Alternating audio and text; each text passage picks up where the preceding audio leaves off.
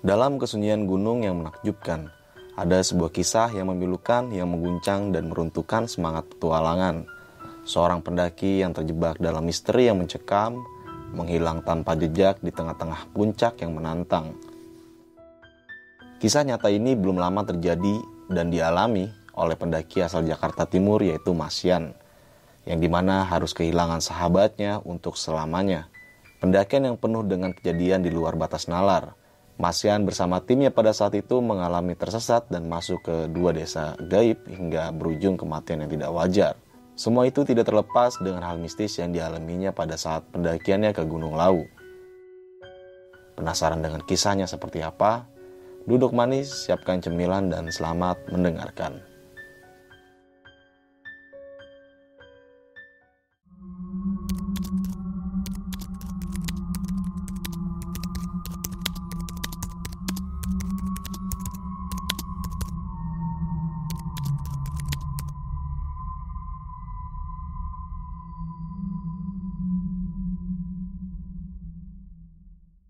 Assalamualaikum warahmatullahi wabarakatuh. Balik lagi dengan gue Indra di besok pagi. Sebelumnya gue sangat berterima kasih banget buat teman-teman semua yang sudah menonton, mensupport, dan mendengarkan besok pagi sampai saat ini. Semoga teman-teman semua yang menonton dan menyimak video kali ini selalu diberikan kesehatan oleh Tuhan Yang Maha Esa.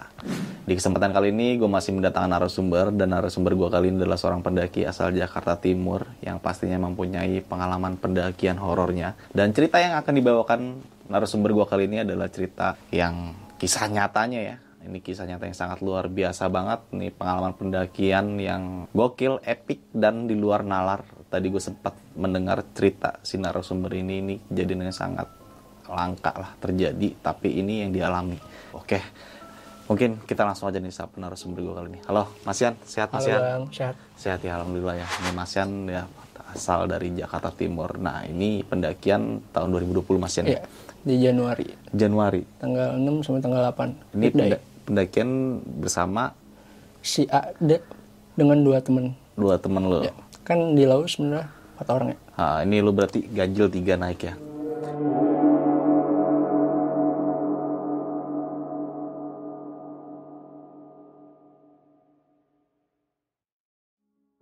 Nah, ini kan cerita yang lo pengen bawakan ya. Uh, sorry nih, gue agak karena sedikit sensitif sudah dapat izin sama keluarga. Alhamdulillah udah. Udah ya, berarti aman lah ya. Aman. Nah, jadi memang ini cerita sangat sensitif karena uh, rekan pendakiannya Mas Yan ini baru beberapa hari ini meninggal dunia ya, ya. atau wafat dan wafatnya tersebut ada sangkut pautnya di pendakian lo.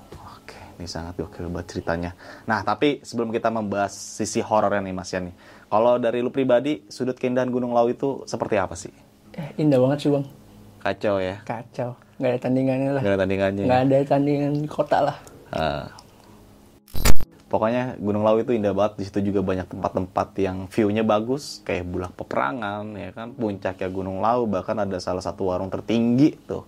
Warung tertinggi ya itu warung yang boyam. Siapa sih nggak kenal warung boyam gitu warung Siapa tertinggi sih nggak ya. kenal temen kan? Iya itu teman monyet itu. Nah, Mas Yan ini adalah salah satu organisasi atau forum pendakian. Nama forumnya apa, Mas Yan? PGI underscore adventure. PGI underscore? Adventure, singkat oh. PGIA. PGIA. PGIA. Ini ada Instagramnya ya? Ada.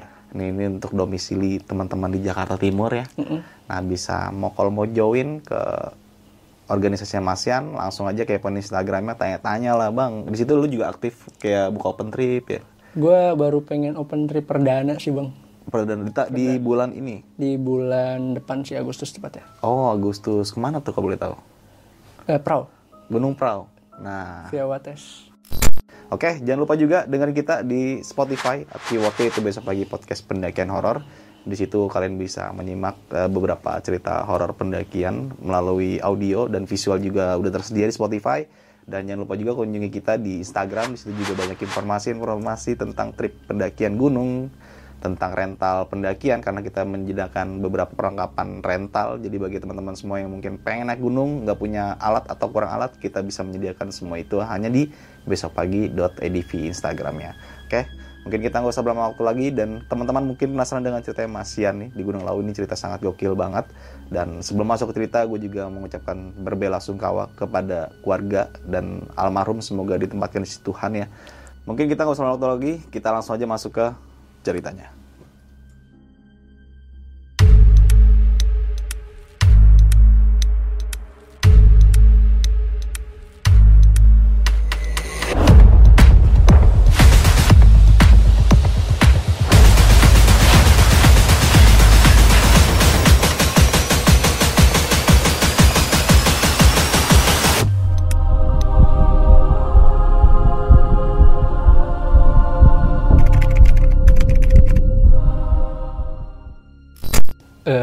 Kita jadi berangkat dari tahun 2020, tepatnya di bulan Januari di tanggal 6 sampai tanggal 8 itu weekday.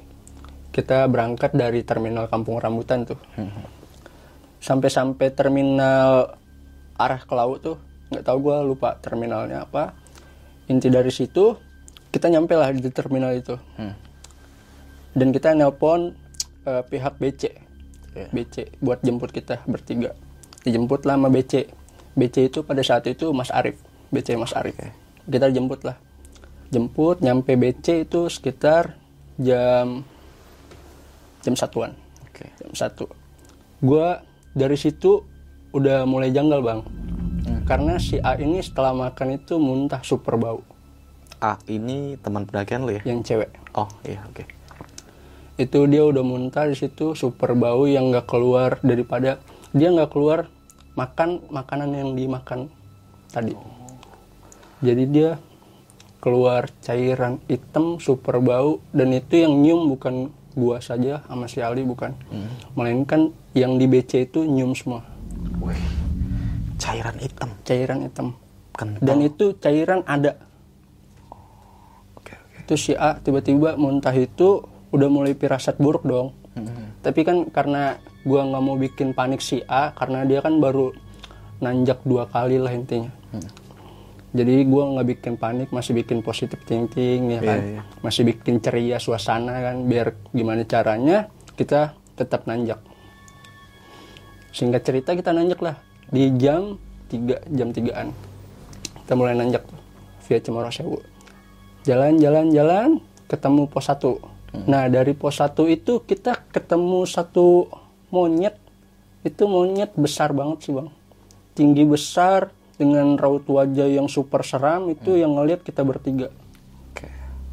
kita bertiga itu diliatin total. Setiap jalan menuju pos 2 kan? Menuju pos 2 itu jalan jalan jalan. Itu monyet dari ranting ke ranting itu ngikutin kita terus bang. Sampai pos 3.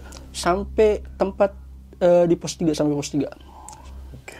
sampai pos 3 kita jalan-jalan setiap ranting kan kita berhenti di pos 2 pos 2 itu masih ngikutin tuh si monyet ini. Si A ini pengen lah buang air kecil bang. Buang air kecil. Buang air kecil. Kan di situ ada pohon besar ya? Pohon besar di sebelah kiri. Kencing lah miper ke situ. Si A minta temenin gua. Gue temenin tapi gua dekat pohon besar itu. Kita akan buang air kecil di situ Eh, gua nggak tahu kalau si A ini lagi haid pertama. Jadi buang air kecil lah di situ. Eh, tercium aroma aroma sesajen bang di situ.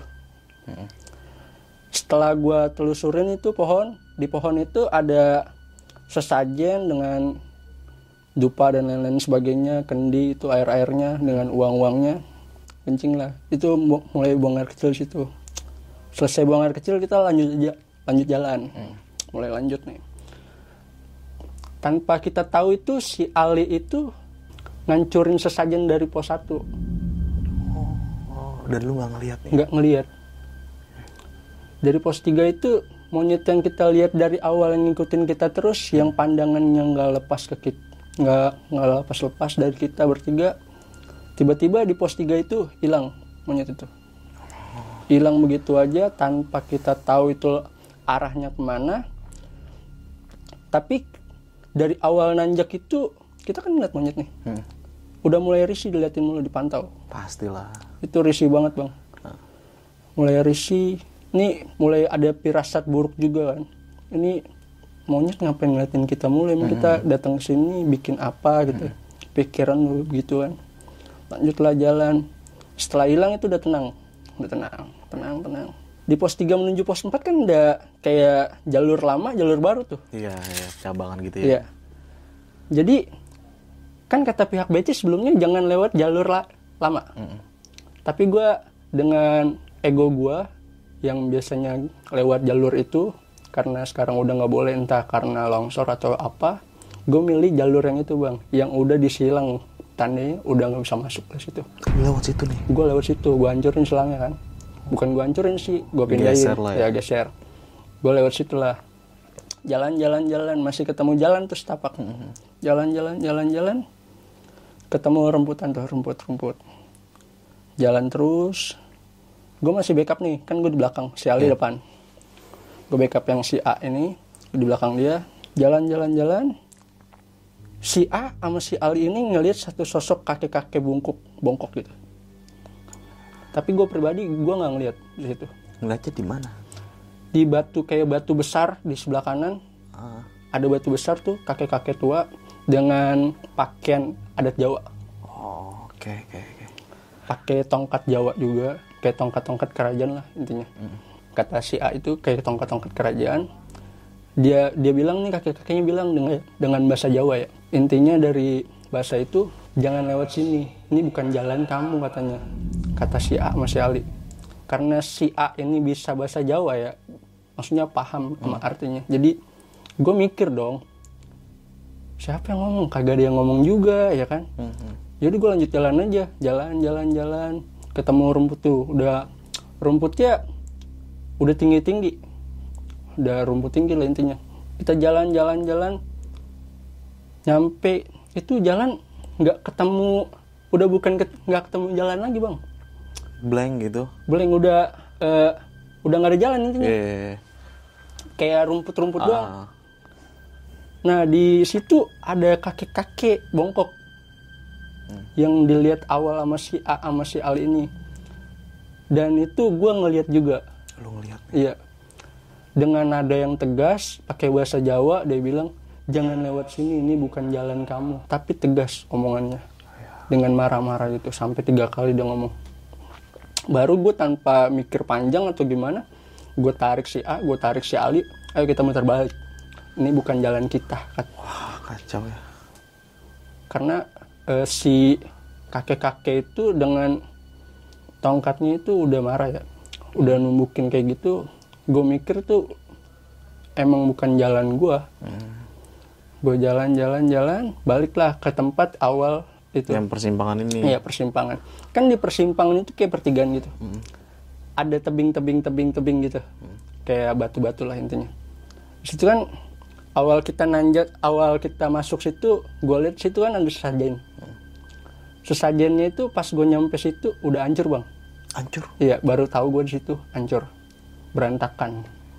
Dengan dupa yang mati terus kendi yang isinya air udah berantakan ke mana tahu uang-uang yang awalnya gue lihat itu nggak ada. Oke. gue nggak tahu siapa yang ngambil. Gue bilang gue nanya dong.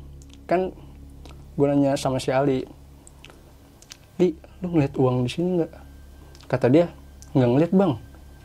Jadi gue langsung lanjut jalan lah udah udah kita nggak usah mikirin itu gue gituin kan jalan kita ngelewatin jalur baru tuh Iya. walaupun jalurnya lama sih itu landai emang nggak terjal walaupun itu kalau jalur lama kan terjal tapi cepet nyampe ke pos 4 Iya. Kalau ini agak landai tapi muter ya. Iya, muternya terlalu jauh. Jalan-jalan-jalan, kan itu dari pos 3 ke 4 itu gue udah kena malam bang. udah kena malam. Sekitar jam tujuh setengah delapan. Wih. Jalan, jalan, ketemulah ke pos 4. Alhamdulillah itu nyampe pos 4. Tapi sebelum nyampe pos 4 itu teror full. Eh, ada satu wanita yang terkikikan di atas gue bang Di tempat camp lu. di atas pohon bukan di tempat ini Oh, belum sebelum nyampe camp sebelum gua diriin tenda itu ada kan istirahat dulu tuh Iya. malam tuh capek lah minum-minum ya kan minum. Di atas si A ini ada satu sosok wanita cantik lah. Cantik banget bang. Si wanita itu kakinya gini. Kayak gitu-gituin kaki. Gila. itu ngelihat semua. Kita ngelihat begini dong. Iya ada cewek cantik. Ya kan? Kita langsung bilang gitu kan. Ih cantik banget. Ngapain di atas neng? Gue gituin kan. Ih, serius lu? gue gituin bang. Ngapain di atas? Cantik banget ini. Turun neng. Ah. Ya kan? Tapi tinggi banget bang pohonnya bang. Gue bingungnya itu malam-malam dia nanjak dari mana naik dari mana gitu kan. Dari situ kan udah nggak nyaut tuh cewek. Kita noleh sedikit itu kan buang buang muka sedikit ngobrol lah sama si A sama si Ali ini ngobrol-ngobrol-ngobrol pas tengok ke atas lagi itu si wanita cantik udah nggak ada. Wah, gokil sih, parah. dari situ ada suara cekikikan. Cekikikan cewek. Kayak kuntilanak lah gitu. Ketawa. Langsung berinding langsung kita lanjut jalan tuh. Lanjut jalan. Setiap kita jalan tuh ketawa itu terus. Sampai kita diriin tenda. Gak takut loh. Gue pribadi awalnya masih belum percaya bang. Ah. masih ya gue datang sini dengan tujuan yang baik gue niatnya pengen have fun ya kan? Sama si A sama si Alin niatnya mau have fun dan lain-lain sebagainya kan? Gue juga nggak ganggu dia ya kan? Nggak ganggu ah eh, sejenisnya lah intinya. Gue jalan-jalan jalan-jalan sampailah di pos 4 kita diriin tenda di situ bang. Diriin tenda dua. Dan gue itu satu tenda sama si A karena si A nggak berani kan? Si Ali sendiri di tenda tapi samping-sampingan kita istirahat lah istirahat. Udah di tenda istirahatnya. Dari situ mulai makan kan makan makan. Masih masih sekitar jam sembilanan itu. Iya. udah makan makan makan. Selesai makan kita tidur mutusin. Tapi gue pribadi masih tidur ayam bang. Iya sih, di gunung ya. Iya. karena gue mikir masih ini kok cewek tiba-tiba hilang gitu aja. Oh, lu kepikiran kepikiran ya makanya gue tidur ayam. Ah, Nah, tidur tidur si A ini jam sekitar jam 12 malam itu tiba-tiba bangunin gua. Bang, bang, bang. Anterin gua buang air besar ya, Bang. Kata dia gitu. Ah, ya udah. Gua ajak lah ke next dikit dari tebing itu lah. Dari bukit itu, naik sedikit. Kan ada pohon besar tuh situ. Ada rumput-rumputan panjang lah gue gali dulu tanah-tanah situ kan. Gue gali selesai gali gue melipir lagi buat ngejauh dari si A ini. Dari situ dia nggak jadi buang air besar bang. Dengan langsung tiba-tiba bang ayo bang turun aja. Dengan kondisi muka pucat. Oke, oke. pucat banget bengong mulu terus jalan juga udah pucat udah dingin juga tangannya gue pegang dong tangannya. Takut hipo kan mukanya pucat jalan lah jalan ya udah kita turun. Balik lagi ke tenda nggak jadi buang besar. Kita tidur lah situ. Dari tidur itu si A ini tiba-tiba kan udah tidur nih. Tiba-tiba ngigo dengan kata jangan bawa saya jangan bawa saya gitu bang. Jangan ajak saya jangan bawa saya. Sampai jam setengah dua setengah tiga itu Ngigo terus tuh. ngigo terus. Gue langsung ngecek suhu tubuh kan gue buka SB nya tuh. Gue ngecek suhu, suhu tubuh emang dingin sih tapi bukan gejala hipo di situ. Gue bangunin gak bangun bangun gue keluar lah dari tenda. Iya. kan di, di dari tenda gue itu ke 200 meter ke depan itu ada tenda lain tiga tenda lah. Iya. Ada yang eh, satu pemuda itu belum tidur bang. Gue langsung bilang gue panggil dia. Bang tolongin gue sini dah bang gue gituin kan. Kenapa bang? Yaudah sini aja bang. Datanglah dua orang kan. Gue suruh lihat nih bang ini kenapa bang? Kata si pemuda itu dia bilang "Eh, itu kayaknya ketempelan dah. Kata dia begitu bang gue langsung ah serius lu ketempelan? Gue gituin kan. Iya bang ketempelan. Terus dia cerita bang sebelum nyembuhin si A ini bang tadi malam itu ada dua anak kecil pakaian pakaian bukan pakaian manusia ya pakaian po- kayak pocong seragam pocong itu putih. Dengan eh, kain putih itu kayak ada bekas-bekas tanah gitu. Tapi kakinya kelihatan sama tangan. Dia bilang ada dua anak kecil yang lari-larian de- deket tenda lu bang. Lari-larian muterin tenda lu mulu. Tapi si pemuda itu bilang anak kecil itu tangannya bolong-bolong bang. Kakinya bolong-bolong kayak tulangnya kelihatan. Aduh. nah di situ gue mulai panik dong. Karena iya sih pas gue dari nganterin buang air besar itu denger suara anak kecil juga lari-larian ke tenda gue tapi gue nggak berani bilang dong masih gue simpen. Hmm. waktu eh, pemuda itu cerita gitu gue juga nggak bilang masih gue silen.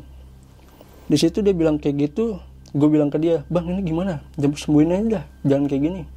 Disembuhin lama dia karena dia kayak indie home lah ya, bisa ngeliat lah. Disembuhin lama dia. Alhamdulillah sembuh tuh. Sadar gue bangunin gue kasih teh kan teh hangat.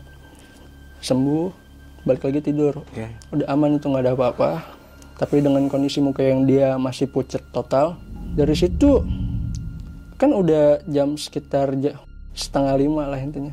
Setengah lima kita mulai summit lah bang. Jalan jalan jalan jalan ketemu lah pasar deng Iya. pasar setan tuh.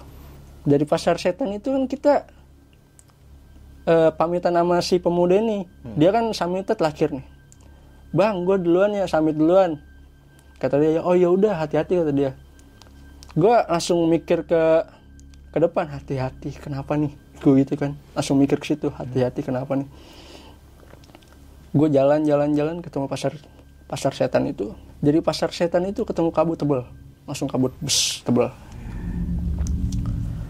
Gue nyari jalan kayaknya nggak ketemu temu buat ke puncak. Berapa lama? sekitar dua jaman bang. Jadi itu bukan summit gue nyampe nyampe puncak gue jalan jalan jalan jalan. Kata gue nggak ketemu temu jalan ini li. Gue gituin juga sih ah, ini nggak keluar keluar gue tahun lalu ke sini pasar setan ke ama puncak itu deket banget. Nggak terlalu jauh jalannya. Tapi ini kok nggak keluar keluar kita. Kabut juga nggak hilang hilang terus tuh kabut tebel. Tebel banget itu bukan kabut yang biasa pada umumnya bang. Tebel banget itu kabut. Tapi nggak ada angin kabut doang. Jadi kita jalan-jalan-jalan sampai kita mikir li lu kan bisa ajan lulusan pesantren. Kita ajan yuk. Gue gituin kan kita ajan tapi bersaut-sautan. Lu barat gue timur. Jadi gue saut-sautan tuh ajan. Ajan, barengan iya. Gue ajan mutusin ajan di situ. Udah selesai ajan kabut hilang. Bes jalan baru kelihatan. Itu jalan baru kelihatan kita muncak lah.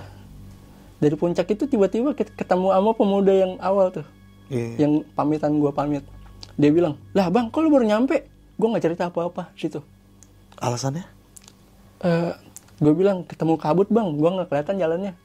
Entah nyasar sedikit apa gimana gue gituin kan. Gue jalan-jalan-jalan sampai puncak digituin kan. Ketemu dia terus dari situ foto-foto lah kita. Karena si A ini juga baru pertama kali kan. Hmm. gue turutin lah foto-foto yang awalnya gue juga ah ogah lah ke situ. Iya. Buat Mau nggak mau ya? mau nggak mau lah nurutin si A. Dari situ kita mulai turun lagi bang. Itu sekitar jam 8an lah. Jam 8 jam 8 kita turun turun turun. Ketemu kabut lah. Di pasar setan lagi. Hmm. ketemu kabut. Kabut itu setengah jam lah kita ketemu kabut itu.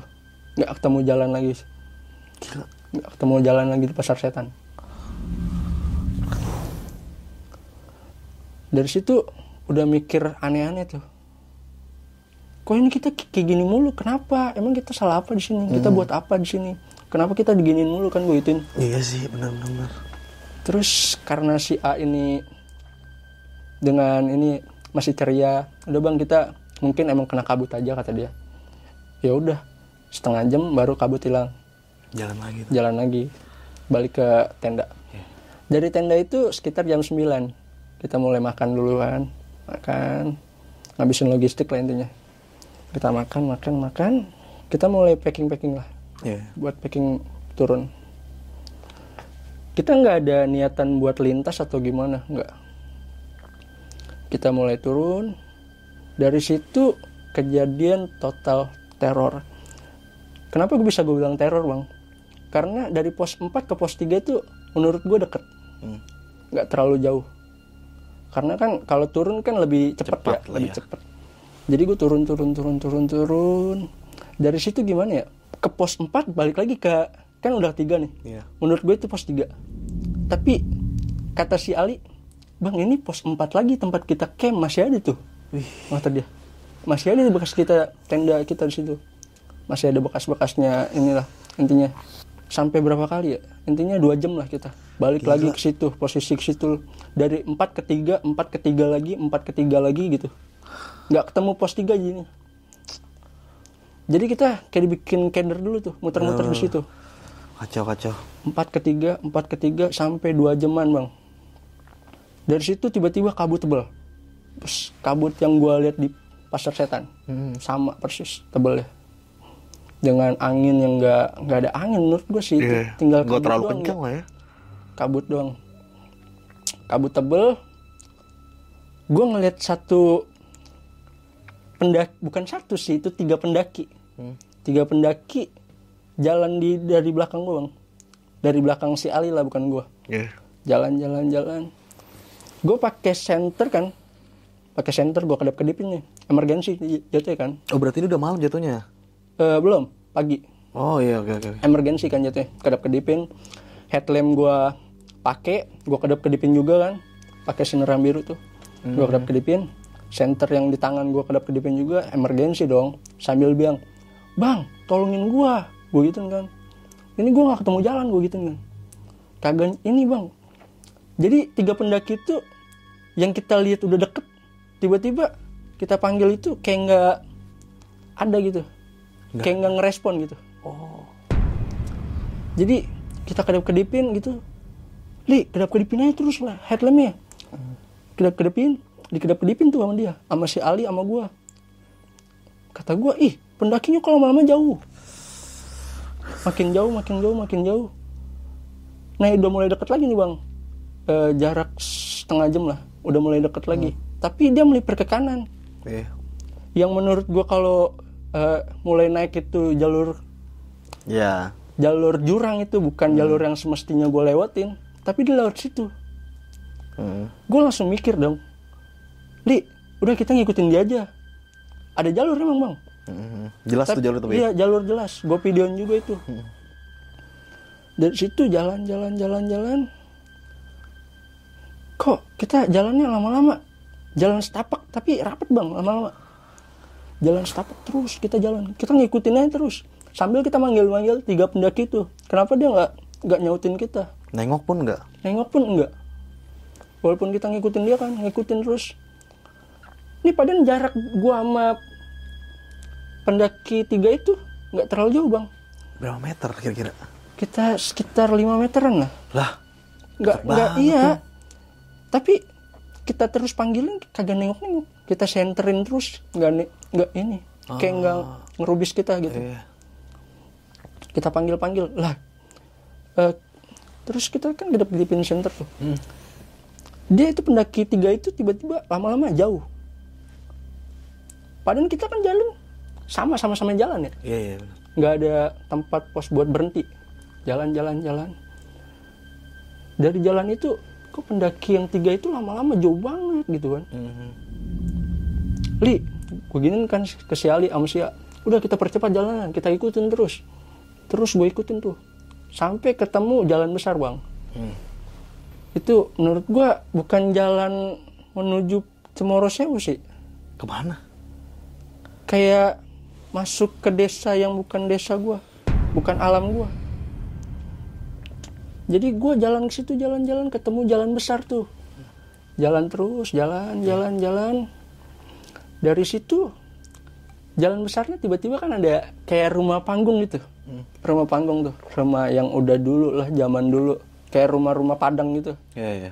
intinya panggung gitu. Rumah-rumah panggung. Ada dua sih tuh kan depan belakang depan depanan gue jalan mendekatin rumah itu dong otomatis kan. Eh alhamdulillah ada rumah gue gituin kan. Iya iya. ada rumah nih kali bisa tolong-tolong kita kan. Ada warga setempat yang ban- bisa bantu kita buat keluar dari sini gue jalan udah deket nih sama rumah itu. Melipirlah kita ke rumah sebelah kiri. Hmm. rumah yang depan satunya tuh. Bentukannya sama tuh. bentuknya sama bang. Nggak ada bedanya. Itu kondisi jalan tertutup daun-daun kering. Tapi jalan kelihatan jalan besar. Tapi kondisi itu jalan itu daun-daun kering ada di mana-mana. Hmm. dan anehnya itu rumahnya kayak nggak kerawat gitu bang kayak saung-saung gitu sarang laba-laba. Iya iya. ada di setiap sudut setiap intinya setiap bagian itu ada.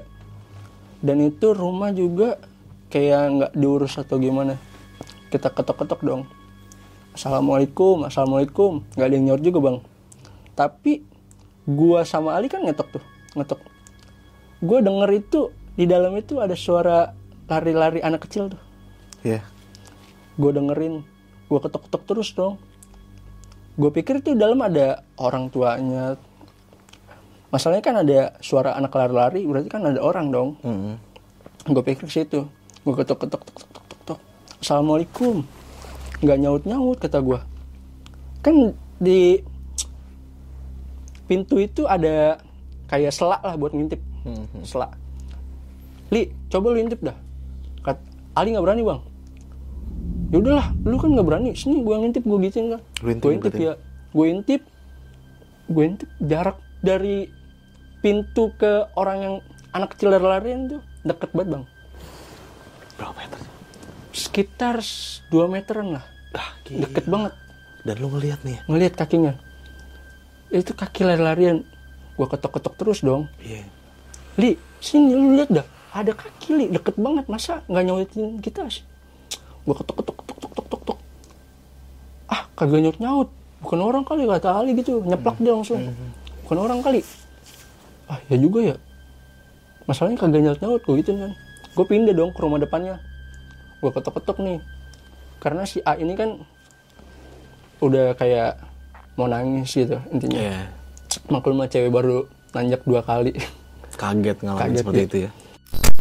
Sebelum lanjut ke cerita, untuk kalian yang ingin menjadi narasumber di besok pagi dan mempunyai cerita horor dalam pendakian, kalian bisa kirim cerita kalian ke Instagram official besokpagi.idv atau melalui email besokpagi.ch@gmail.com. Assalamualaikum gue gitu kan Assalamualaikum itu rumah itu ada sekatan eh, jendela tuh Iya. ada hordeng lah putih Ah.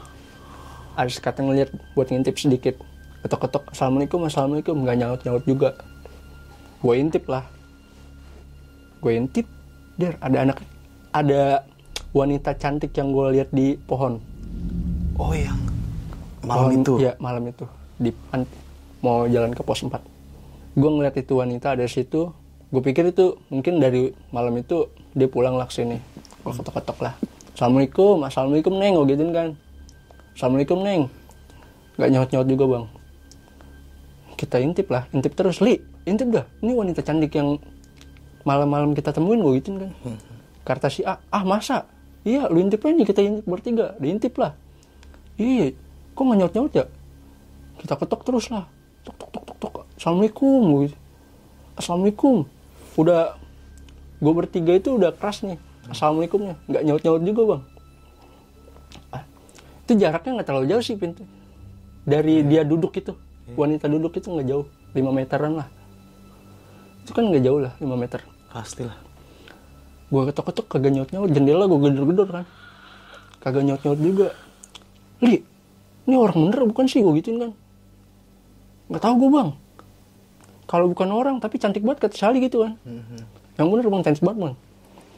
Gue mutusin, ah udahlah mungkin emang tuli atau gimana nggak bisa denger kita. Ya udah gue mutusin, udah kita ikut jalan ini. Ini ada jalan kan jalan besar tuh, kayak jalan raya lah. gitu Iya. gue ikutin jalan jalan jalan jalan jalan kita jalan tiga jaman lah tiga jam empat jam jalan jalan jalan jalan jalan ketemu desa tuh Desa lagi. desa tapi lebih padat Oh, berarti banyak rumah nih. ya? iya dengan kondisi rumahnya sama kayak awal yang gue lihat itu rumah panggung semua isinya tapi sama kayak sebelumnya. Daun-daun kering jatuh tuh di situ. Nggak diapin atau gimana. Kayunya udah pe- udah rapuh banget. Tapi kayak masih ada saung-saung. Li itu banyak rumah. Gue gitu kan. Udah kita mampir di situ kali ada warganya. Kan nggak mungkin kan rumah rumah segitu banyak nggak ada warga kan. Udah kita ke situ aja. Kita ketok-ketok lah setiap pintu tuh. Gua sama Ali itu ketok yang ini masih ketok-ketok tuh. Assalamualaikum assalamualaikum. Nih asal dari assalamualaikum itu assalamualaikum ketiga gua ngintip ada kakak-kakak perempuan tuh yang di awal gua lihat. Di rumah itu sama di si di arah menuju pos 4 tuh malam-malam. itu ada dia lagi. Ada dia gue ketok-ketok assalamualaikum neng assalamualaikum neng gue gitu kan Sama gak nyaut juga. kagak nyaut juga bang. Gue lar eh gue langsung mikir kan ah masa ya kembar sih? Gue gitu. Kan rumah di situ kita jalan juga nggak bareng dia kan tapi Iya, tiba-tiba ada dia. Gue gue mikir udah udah ke mana-mana tuh. Turun hujan di situ kan. Bus kita pakai mantel lah. Pakai ponco tuh jas hujan. Kondisi juga logistik kita habis kan udah habis air mineral tinggal dikit lah tinggal setengah. Jadi kita awet-awet tuh buat bertiga. Kita juga kan aus juga takut dehidrasi atau gimana. Kita minum lah usahain itu minum satu tutup botol masing-masing. Oh iya ngirit ya. iya ngirit. Karena kan kita nggak tahu nyari mat- mata air juga nggak ada di sini. Iya. ketok-ketok ke rumah juga nggak ini kan. Gue pindah ke rumah satunya tuh pakai masih pakai jas hujan. Gue pindah ke rumah satunya gue ketok-ketok juga gue ketok-ketok kagak nyaut-nyaut juga. Padahal ada suara anak kecil lari-larian lagi. Tapi anehnya itu si anak kecil itu bareng wanita di rumah itu. Ada dia tuh. Dengan kondisi yang udah nampakin wujud aslinya. Anak kecilnya yang baru gua lihat yang si abang-abang itu cerita kakinya bolong-bolong kan. Dia bilang itu yang dua gua nggak lihat itu. Benar. si Ali ngelihat si A ngelihat Waduh, kacau. si A langsung tiba-tiba mukanya kembali pucat sebelum kayak pas dari buang air besar itu. Kembali seperti itu. Gue tanya dong lu kenapa? Gue gituin kan nggak apa-apa bang kata dia. Serius nggak apa-apa? Nggak apa-apa bang. Tapi dia langsung balik ke Carol tuh. Eh, kan Carol udah maksudnya udah terlalu pegal lah bang. Kita balik ke Carol dia si A ini gue tetap ketok-ketok. Assalamualaikum assalamualaikum gue gitu. Nggak ada sautan.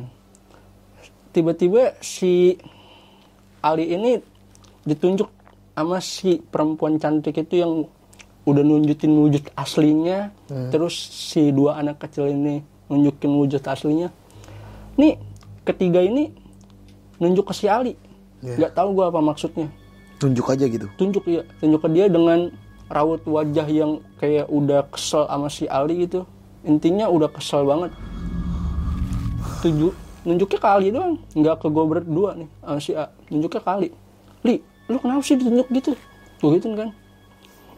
Nggak tahu bang. Dia masih belum jujur situ bang. Nggak tahu bang. Serius lu nggak tahu. Gue gitu kan. Lu jangan-jangan ada buat hal-hal yang ini di luar Negatif dugaan gue iya, ya gue langsung mikir situ dong karena dia nunjuknya ke si Ali doang. Dari situ jalan-jalan jalan udah mulai jalan lagi nih bang. Jalan. Dari situ gue ketok nih setiap rumah. Itu tiga kakak cantik ini sama si Anak anak, kecil. dua itu dari rumah ke rumah ngikutin kita bang. Dan sama dalam ada dia ada dia. ada dia ada dia ada dia ada dia. Nunjuknya ke si Ali doang. Terus nunjuk Ali dengan tatapan yang tajam terus nunjuk ke dia ke Ali gue tanya Ali lu kenapa ditunjuk mulu? Nggak tahu. Itu kita jalan nggak ada jalan keluar bang. Setiap rumah itu kita ketok nggak ada Ya, hasilnya kayak gitu-gitu ya, aja ya. ya gitu-gitu aja. Sampai ketemu malam. Ih, sampai malam, cuy. sampai ketemu malam jam sembilanan. Eh, jam setengah sembilan kita masih di situ. Kacau banget nih pendakian. jalan jalan jalan jalan kita jalan.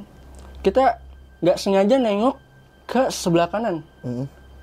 ada kayak pohon-pohon rindang gitu kan Iya. kayak rumput-rumputan gitu gue ngeliat ada satu sosok monyet yang gue lihat dari pos 1 sampai ke Pos pos, 3 3 itu. Iya. Iya, oke.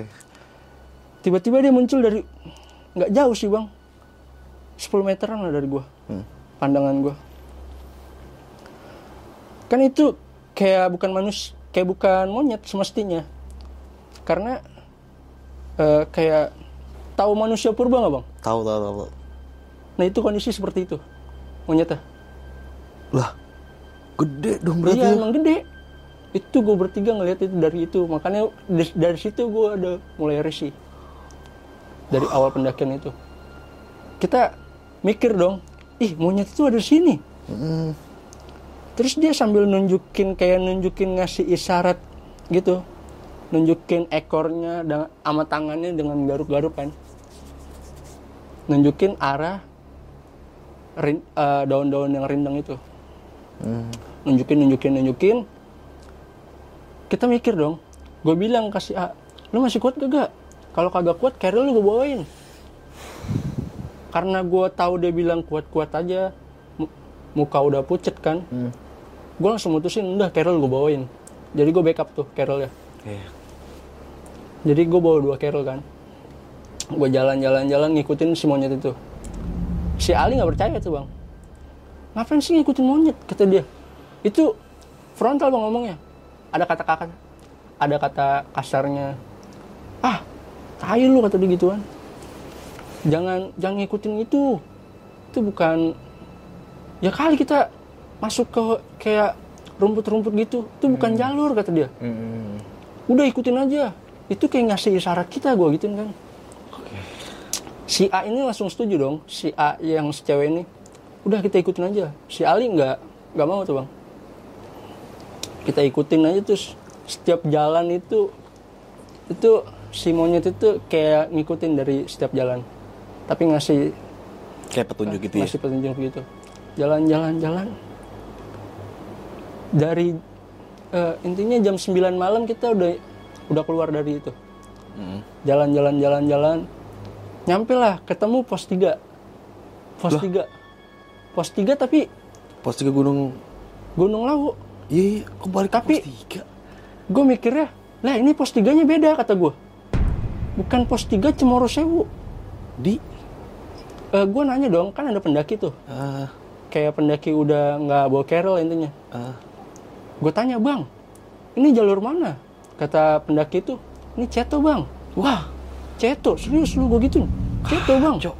gue naik dari Ceto. Ntar juga turun dari Ceto kata pendaki itu ya kan? Si A udah lemes langsung joprak. Der gue juga lemes Wah, dong. iyalah kacau itu. gue langsung "Ah, jauh jauh banget kita ngelintas jauh banget ini. Kan kalau dipikir logika ini nggak masuk akal bang Asli, nggak masuk akal. nggak masuk akal karena beda kecamatan. Ah, ah. beda kota juga itu. Iya, beda punggungan juga iya. lagi. kita jauh banget itu jalannya. Dan itu kata pendaki itu bang terus ya mukanya pucat banget. Udah sini bawa ke tenda gua dulu. Emang kondisi itu pendaki itu deket sama pendaki itu camp Oke. jadi dikasih minum lah. Karena kita kan kausan kondisi air juga udah habis tuh habis total kita di situ minum dulu minum minum.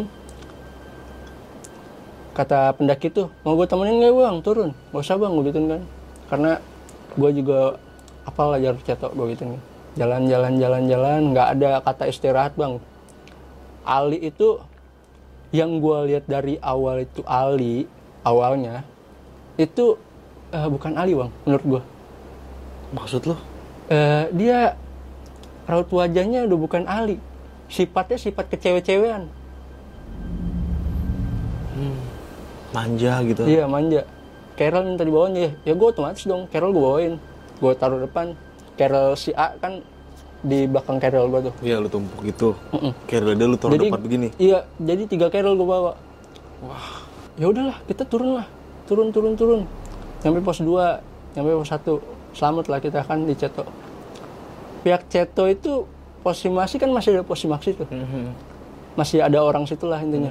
Dia nanya, bang, kok muka lu pada pucat banget bang? Gak tahu bang, udah gue lemes banget. Si A tiba-tiba nyampe Ceto pingsan langsungan, blek. Langsung pingsan total.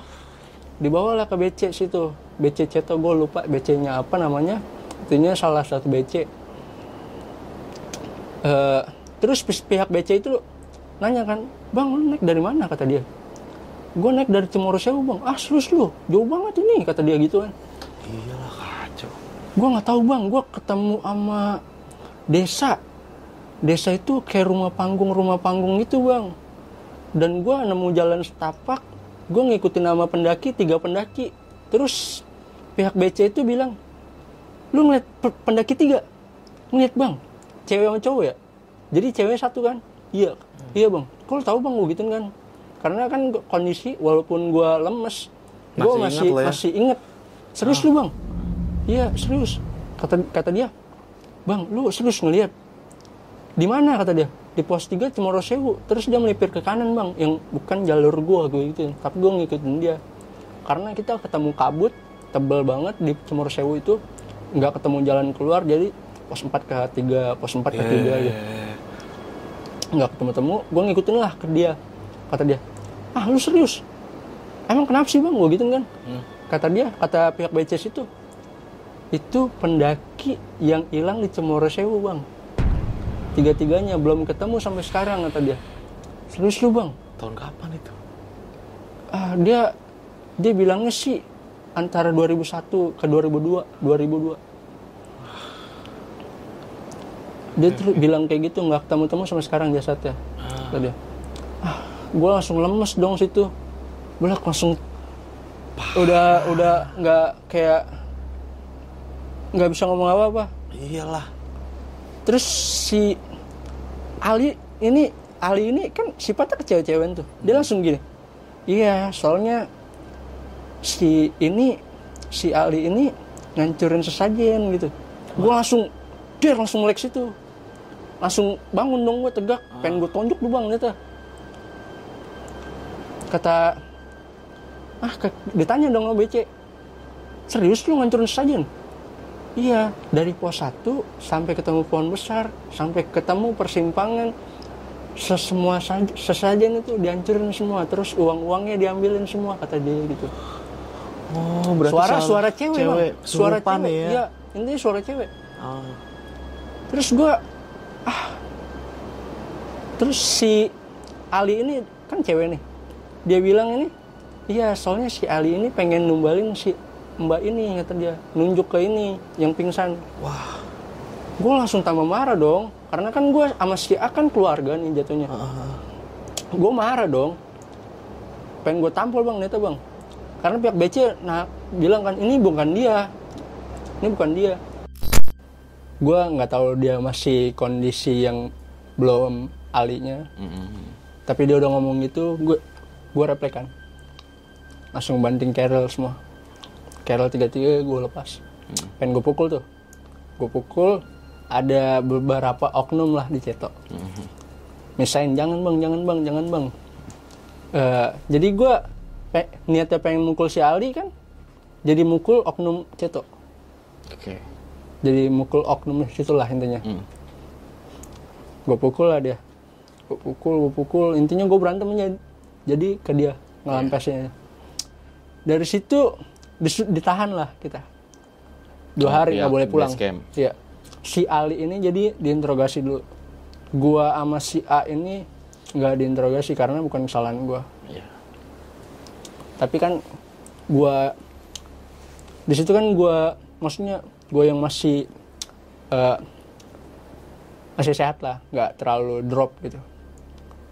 Jadi gua bisa backup si A. Si A ini kondisinya belum sadar bang dari pingsan itu. Belum sadar. Kata pihak BCC itu dia bilang "Eh, gimana mau sadar kalau uangnya nggak dikembaliin? Minimal kembaliin dulu. Uang yang dihancurin yang diambil ambil sama dia. Oh, kan dia cer- kan dia ya. Dia cerita kan bukan dia ya itu bukan alinya si wanita itu cerita bahwa uangnya dihancurin ya kan? Diambil ambilin lupa lupa dihancurin kan?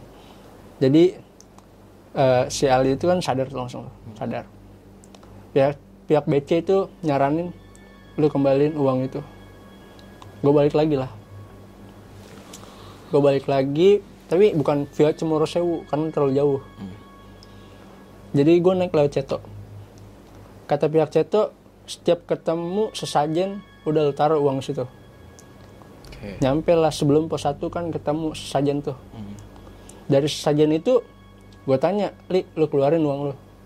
Kondisi muka yang udah kesel bang. Dia gak ngaku bang. Uang apa sih? kata dia. Lu taruh uang lu gua apa lu sama kena sama gue gitu kan gak ngaku juga bang. Ya udah sini lu maju ke gua gue gitu kan. Gue periksain semua. Gue periksain dari ujung kaki sampai ujung kepala. Sampai sp- di seputaran alat itunya. Gue periksa sampai dalam-dalam kan karena cowok kan. Gue periksain terus. Ketemulah uang itu banyak bang. Sepuluh ribuan. Deket di dalam celana. Celana dia intinya. Oh, kan ada kan dalam. ya celana dia kan ada boxer tuh. Aha. tapi kantongnya di depannya Oh, kayak iya. udah dirakit dari awal sama dia. Ada kantongnya di depan. Hmm. uangnya diambil ambil di situ dimasukin situ. Uang semua sih bang. Itu uang sepuluh ribuan pecah-pecahan nanti. Gope gopean dua ribuan gocengan. Gua ambil. Lu taruh ini uang apa gue gitu kan. Nggak tahu tiba-tiba dari kantong gua. Dia bilang gitu bang. Oke. nggak masuk akal kan.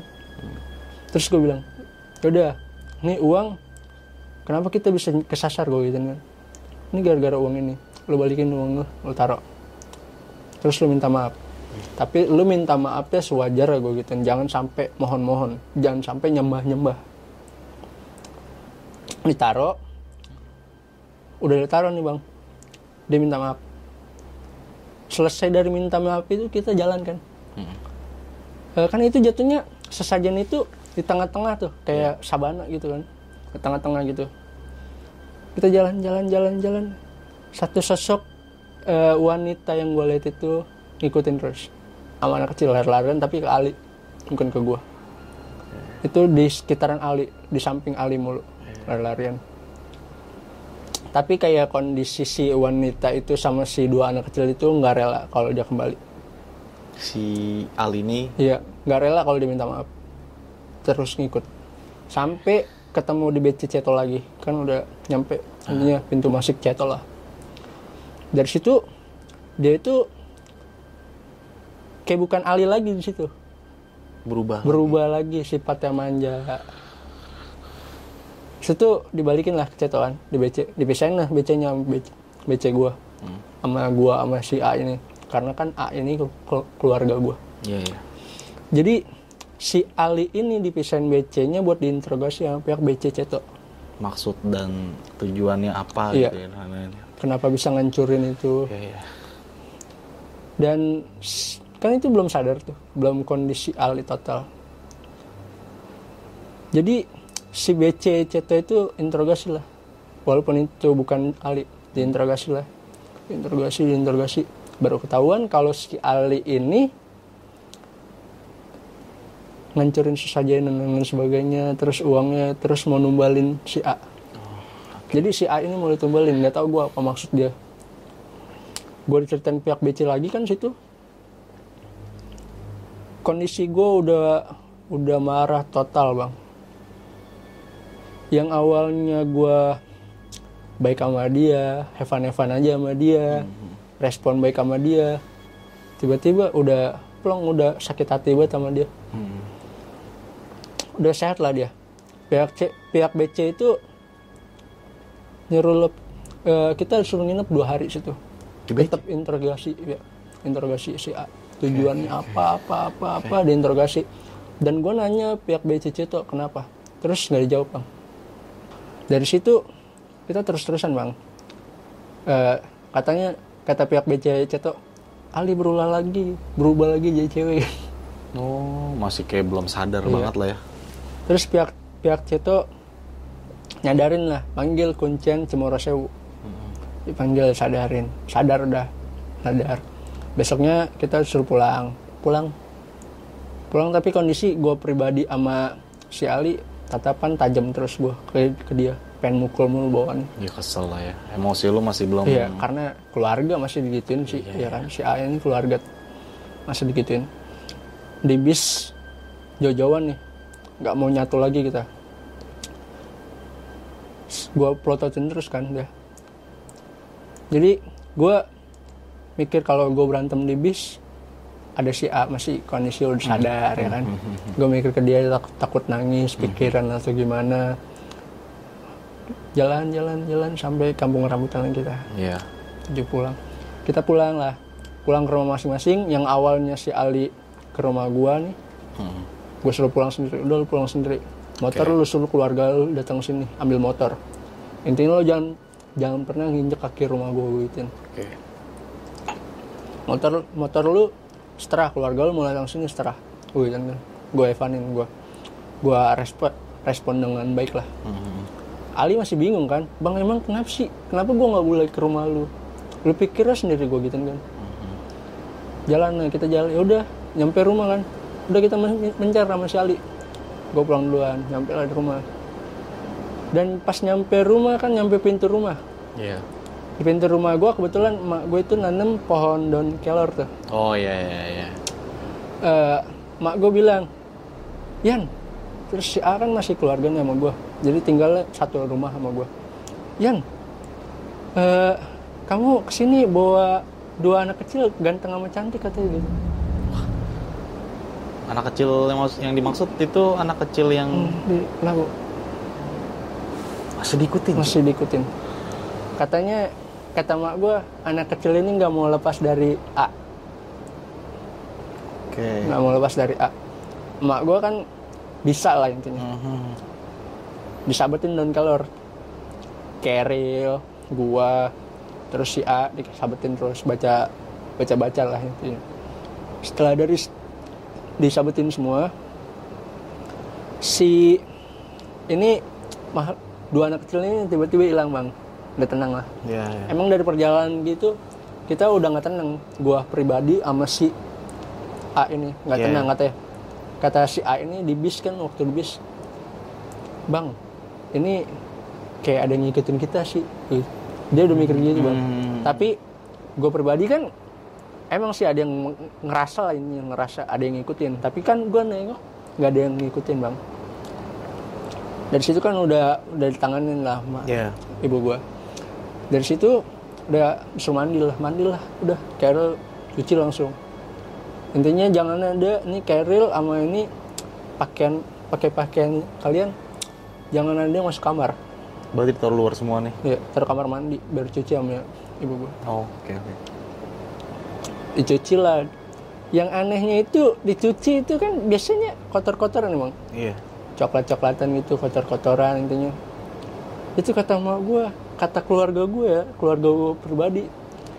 Itu bau muntahan si A ini kecium. Wangi buruk itu bangke intinya bau bangke gitu. Dari pas nyuci masukin cucian tuh. Pakaian si A ini dimasukin cucian mesin cuci. Itu ngambreng satu orang. Ruangan rumah gua.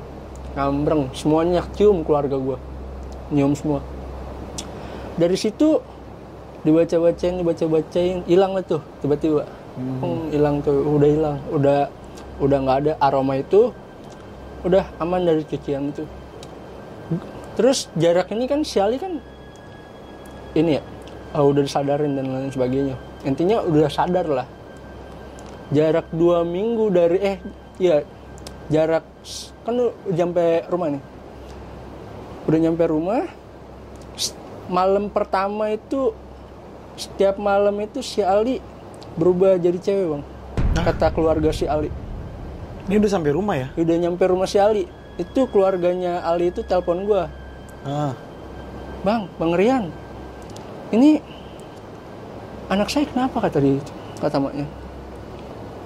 Gue ceritain dong, gue ceritain bla bla bla bla bla.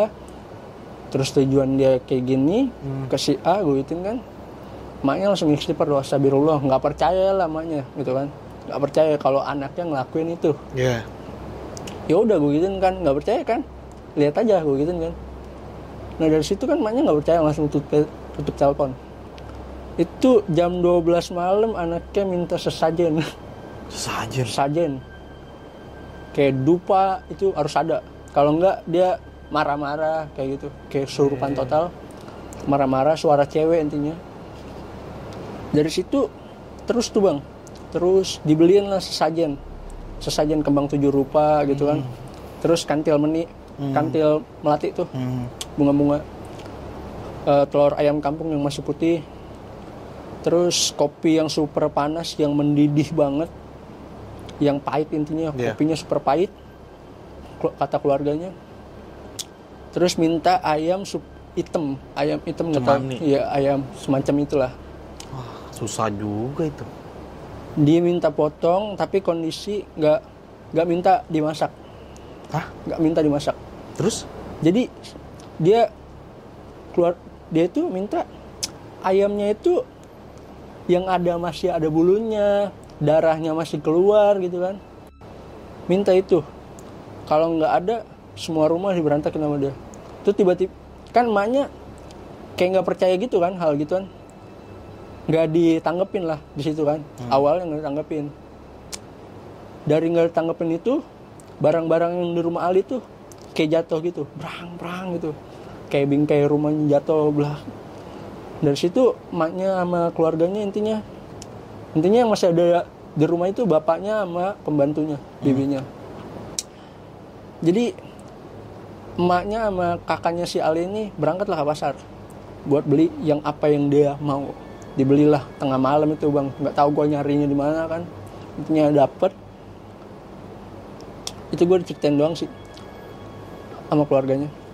Dari situ dimakan lah itu kan dapat ayamnya tuh. Iya. yang kondisi darahnya. Jadi keluarganya itu bawa ayamnya kondisi yang masih hidup awalnya. Hmm. di dipotongnya depan dia. Dia kan minta yang masih ada darahnya. Yang masih ada bulu-bulunya. Udah dibeliin disajin ke dia. Terus keluarga suruh keluar kan? Disuruh keluar. Otomatis keluarga keluar dong. Keluarganya keluar dari situ si Ali ini tiba-tiba keluarganya kan ngeliat semua nih dia makan sesajen itu dia makan lahap tuh nggak mau makan nasi intinya. Ayam itu dimakan sama tulang-tulangnya semua kayak nggak ada napas buat makan gitu bang. Terus dimakan terus dimakan. Nggak ada napas ini ya kata orang tuanya. Dari situ terus-terusan sampai tiga hari. Dari tiga hari itu keluarga si A ini eh keluarga si Ali ini eh, manggillah satu kiai kiai yang mungkin yang dia percaya sama dia lah. Hmm. kiai itu dipanggil buat nyembuhin Rukiah. Pas nyampe rumah itu kiai ini bilang ini anakmu bukan anakmu katanya. Bukan anakmu. Ini kata kiai itu langsung bilang ini dari gunung ya digituin gue nggak tahu itu dia bacanya gimana. Intinya dia punya firasat gitu. Ini dari gunung ya terus orang tuanya jawab dong iya kita balik lagi ke gunung digituin kan. Hari itu juga besok paginya kita balik lagi ke gunung tanya temennya via man- naik laut mana? gituin kan. Jadi kan orang tuanya Ali kan nelpon tuh Hmm. nelpon ke gua nanya gua lewat mana tuh. Hmm.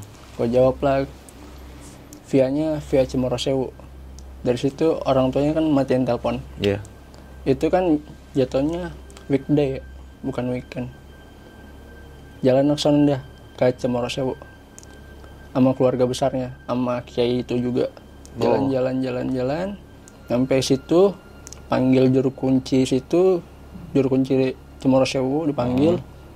Juru kunci Sme- Cemorosewu itu udah tahu kejadian ini. Oh, ya ya ya. oh ini yang kemarin kata gitu. Ah. itu videonya ada sih bang. Tapi udah gua hapus sih. Karena nggak bisa kepencet Di play nggak bisa. nggak bisa. Oke. jadi datanglah eh, dipanggil juru kunci itu. Dipanggil suruh nyembuhin lah.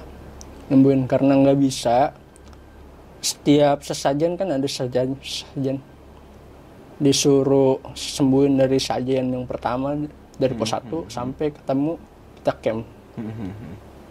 Terus dari situ disembuhin pertama di pos 1 hilang lah di pos 2 pos 3 Hmm.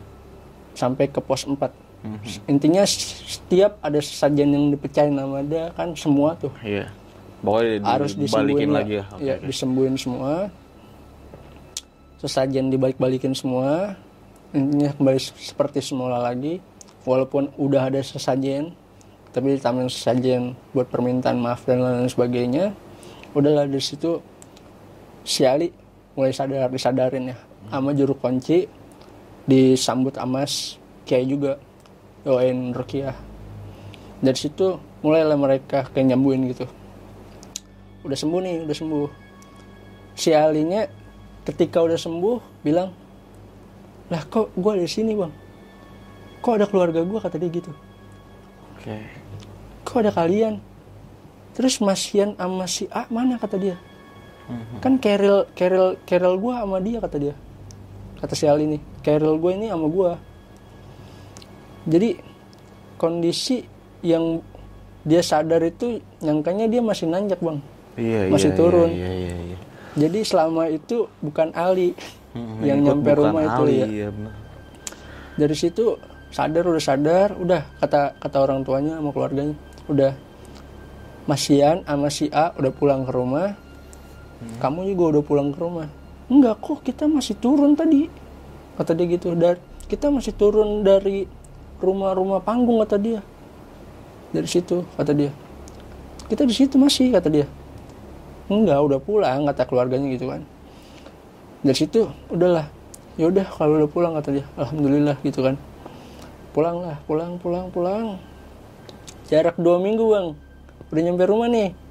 Rumah Ali jarak dua minggu setiap malam Jumat itu si Ali berulah sama. Jadi si wanita ini kayak nggak mau ngelepasin si Ali.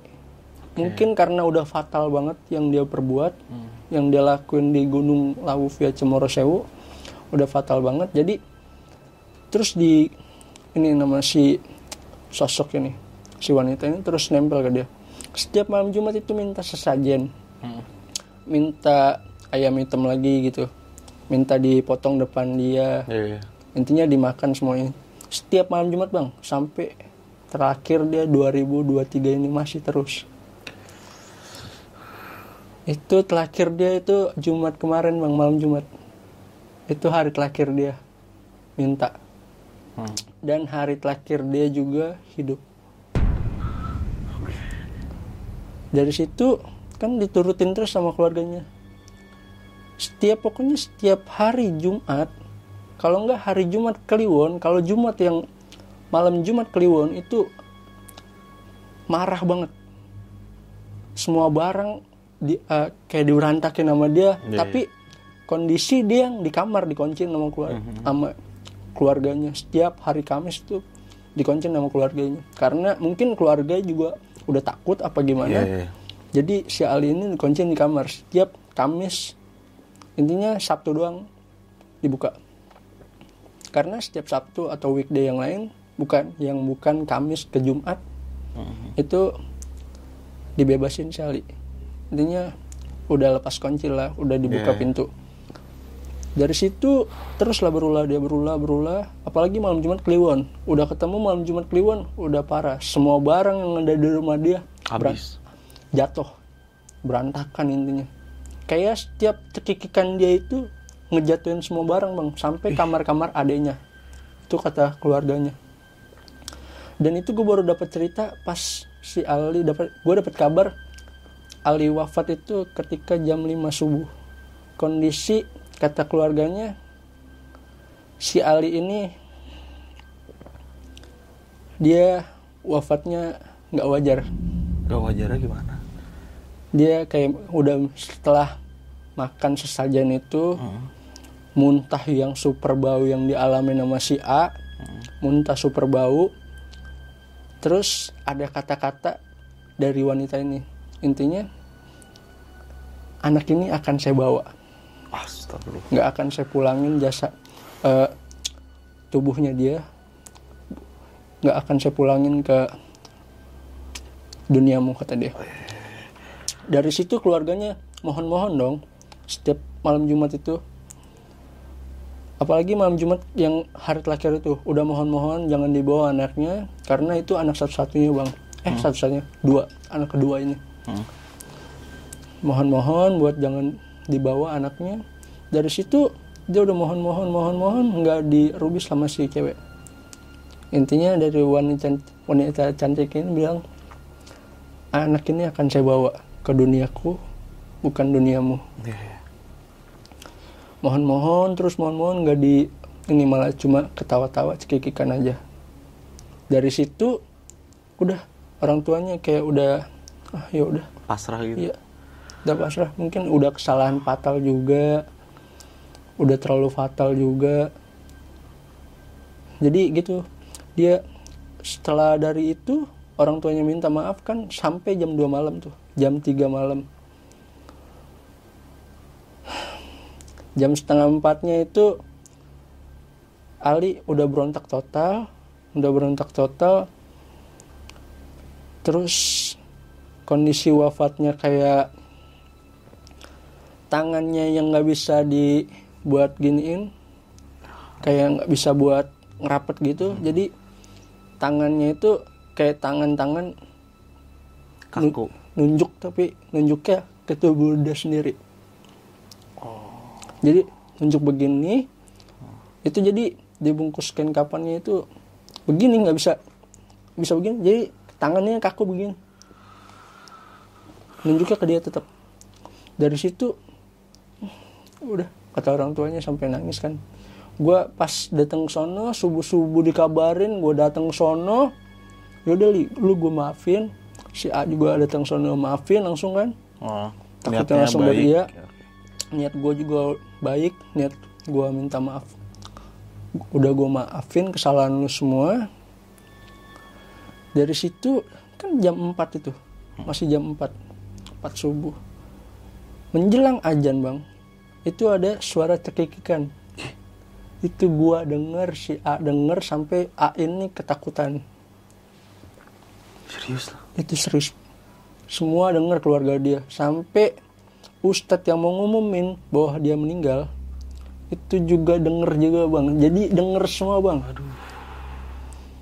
Itu kondisi kan ka- dia meninggal di kamar dia tuh. Kamarnya kondisi wangi harum. Harumnya harum harum kembang tujuh rupa lah intinya.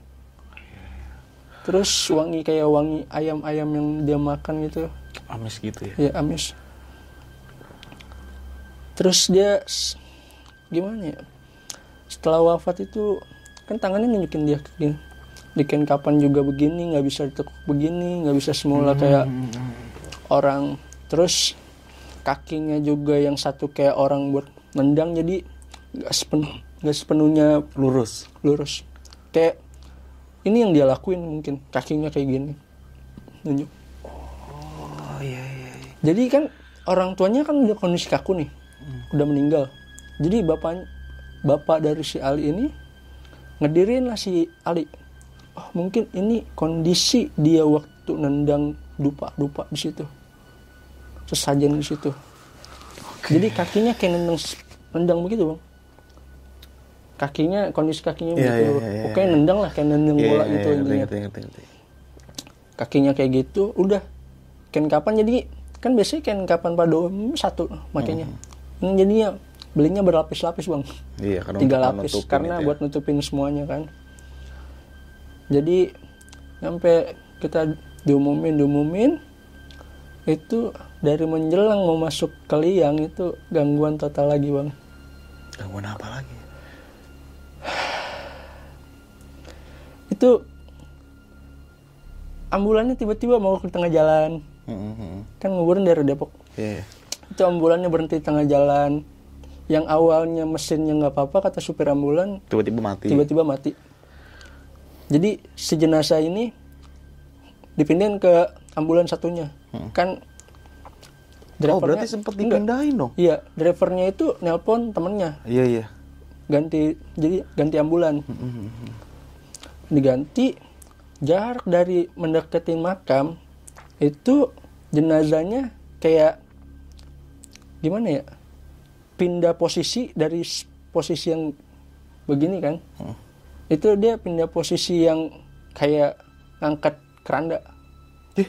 jadi gimana ya? Iya, iya, Ya ngerti, gitu, ngerti, ngerti, ngerti. ngangkat keranda jadi kerandanya ya keangkat dikit. Iya, iya. terus kok jalan sedikit mobil ambulannya mati bang. Mobil yang kedua kali nih ya. mobil yang kedua kali. Mendekatin kuburan jarak 100 meter lah. Jadi kera- mau nggak mau ini kan udah nelpon semua kan kejadian juga di luar dugaan tiba-tiba dari pindah ke ambulan ini ambulan satunya hidup nih tiba-tiba. Setelah dipindahin ya. Ambulannya itu hid- hidup kembali eh nyusul lah ambulannya. Mau pakai ambulan lagi nggak? Nggak usah katanya kata keluarganya. Udah kita bopong aja. Jadi Dibopong nih? iya gua semua motor nih. Jadi kan ada yang pakai motor ada yang pakai mobil kan. Iya, iya. jadi nggak ada yang pakai mobil nggak ada yang pakai motor tinggal semua di tengah jalan di pinggir jalan itu arah ke makam. 100 meter lah dari makam. Eh 100 meter nggak nyampe 300an jalan kaki lah kita. Jalan kaki jalan kaki jalan kaki. Di makam itu tiba-tiba gerimis bang. Mhm. gerimis yang mungkin mungkin gerimis ya. Hujan nih bes. Berhenti lagi hujan lagi. Berhenti lagi hujan lagi gitu. Terus-terusan ganti-gantian gitu dari itu dikubur lah dia kan. Setelah dikubur malam pertama setelah dia dimakamin suara Ali itu ada di kamar Ali. Tolong tolong tolong itu kata keluarganya. Kan yasinan nih. Hah? yasinan setelah yasinan kan suara Bubar tolong nih ya? iya bubar nih. Suara tolong tolong masih ada ustadznya kan di situ. Iya. ustadz yang baca yasinan yang mimpin lah. Ada suara kata tolong dicariin lah suara itu. Dari dalam kamar Ali. Merinding lah semua bang. Iyalah. Dari situ ayo gitu aja. Selamat selama eh, ini udah dua hari tiga hari empat harian lah. Kedua hariannya masih ada besoknya udah nggak ada suara Ali. Udah tolong tolong kata tolong itu udah nggak ada. Kata minta maaf juga udah nggak ada. Oke. Jadi udah dari situ udah oke tapi ini dari nah, lu pribadi nih ya Mas Yan ya? Ikhlas lah ya. Gua pribadi udah ikhlas udah maafin juga. juga, tapi ya begitu bang. Masih ada rada kesel tapi ya ya udahlah ya. udahlah. Ah, biar tenang juga juga ah. karena kalau kita ngelihat kondisi terakhir Zen aja juga ya kita berpikir secara manusia normal aja ya biasa ya. Kita kan juga punya rasa manusiawi ya kan yang di mana ya kasihan juga kayak gitu ya kan nah ini cerita yang sangat gokil banget ini pendakian yang belum lama dijalanin dan ini menjadi salah satu cerita Mas Yan bersama uh, almarhum dan Si A, A, ya ya, kan? si cewek ini. dan tidak pernah terlupakan seumur hidup lo ya Mas. Yan. Nah ini yang di luar nalar lah, di luar logika gua juga dan di luar logika teman-teman mungkin yang menganggap ini cerita kok bisa ya kan, kok bisa seperti itu. Tapi inilah yang terjadi oleh lu ya Mas Yan ya. Iya. Gua masih ya sama almarhum. Ini sih gua nggak mau perpanjang atau mempertanyakan lebih detail lagi. Jadi teman-teman semua yang menyimak video ini, yang mendengar cerita dari Mas Yan ini, semoga bisa mengambil sisi baiknya dan bisa menjadikan pelajaran bagi kita semua. Dan di sini gua tim dari besok pagi juga turut berbela sungkawa kepada almarhum Ali ya. Uh, semoga almarhum disempurnakan uh, dan ditempatkan di situ yang Maha Esa dan keluarga yang ditinggalkan selalu diberikan kesabaran. Oke. Dari gue Indra, semoga teman-teman semua yang menyimak video kali ini bisa mengambil sisi baiknya. Lagi-lagi gue mengingatkan seperti itu.